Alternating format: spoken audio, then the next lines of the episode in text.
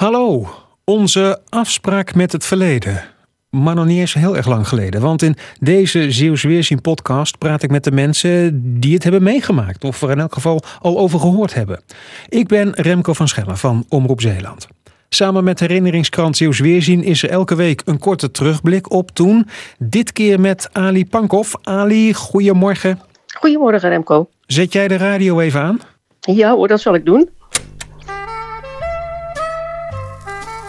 Hier zijn de beide zenders Hilversum 1 en Hilversum 2. Operatie 4 maal Phoenix. Luisteraars, hier is weer de Post Ouwerkerk. Nog stroomt door een geul van 60 meter het kolkende water terug nu uit de Vierbannenpolder.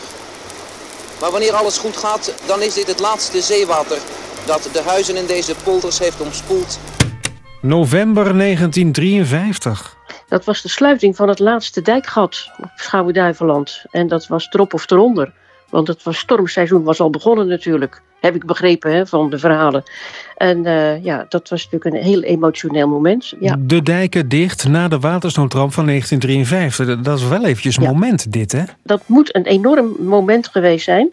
En ik heb begrepen dat het voor de, zeg maar de bobo's die erbij waren... was het een feestelijke uitbarsting. En voor de mensen die er dus echt heel intens bij betrokken waren...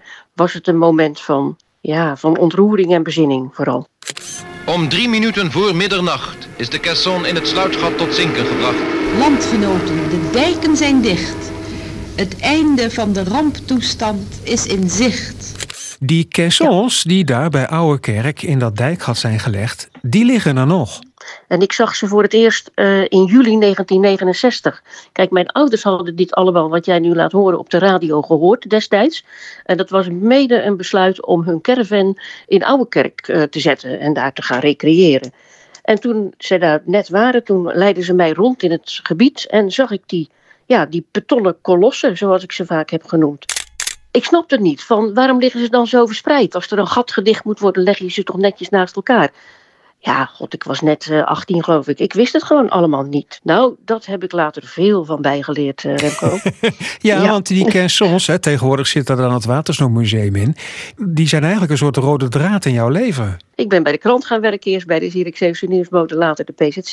Ik kwam heel veel mensen tegen, uh, verhalen schrijven en altijd kwam de ramp natuurlijk vaak aan de orde. Mensen die er niet over wilden vertellen of heel mondjesmaat. En rond 2003 is het natuurlijk als, als, als een hoos losgekomen. Want toen ging men beseffen, als wij het niet doorvertellen, dan weet de volgende generatie het niet. En die caissons speelde daar altijd een, een, ja, een enorm belangrijke rol in. Vanwege dat cruciale moment van die laatste sluiting natuurlijk.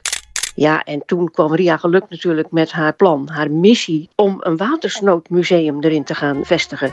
En toen dacht ik, ja, dat gaat nooit lukken, dat kan niet. Maar uiteindelijk ging men wel beseffen, ja, wat ik zeg, hè, het verhaal moet doorverteld worden. Dat vind ik ook zo knap, hè, dat het niet alleen terugkijken en herdenken is, maar vooral ook de link leggen naar de strijd tegen het water nu en in de toekomst. En ja, ik voel altijd een gevoel van trots als ik er langs rij of binnenstap of, of er ben. Dat heb je mooi gezegd. Ali Pankov, dank je wel met jouw herinnering aan die kolossen. Waar je dus ook gewoon langs kunt lopen. Of erin naar het museum.